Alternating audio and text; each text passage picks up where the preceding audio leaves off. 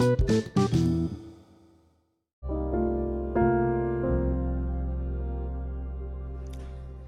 selamat malam. Selamat datang di Harafalin Podcast. Kali ini menjelang kita benar-benar menuliskan diary setiap podcast.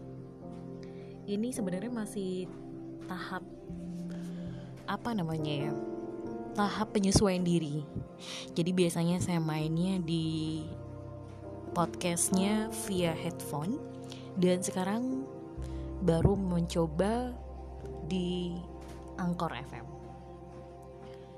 dan itu memang terasa masih sedikit kaku di mana per masing-masing aplikasi tentu memiliki kelebihan dan juga kekurangannya gitu ya.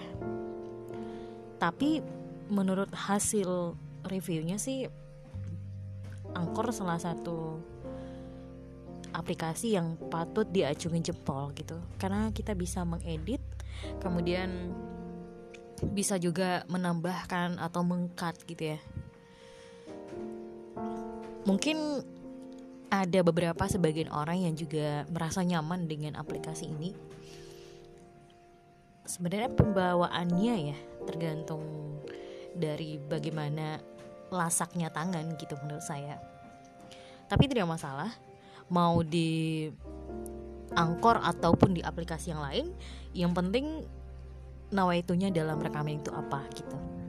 Kalau saya memang dari dulu itu sejak kecil suka banget dengan yang namanya audio dan itu memang pada tahun 2011 saya bergabung di salah satu stasiun radio sampai tahun 2016 cukup lumayan juga sih. Cuma itu memang berpindah-pindah ya. Setidaknya ketika kami di radio dulu ada teknik vokal kemudian bagaimana uh, yang dikatakan berbicara tapi enak didengar gitu dengan sasarannya dulu punya stasiun radio sendiri.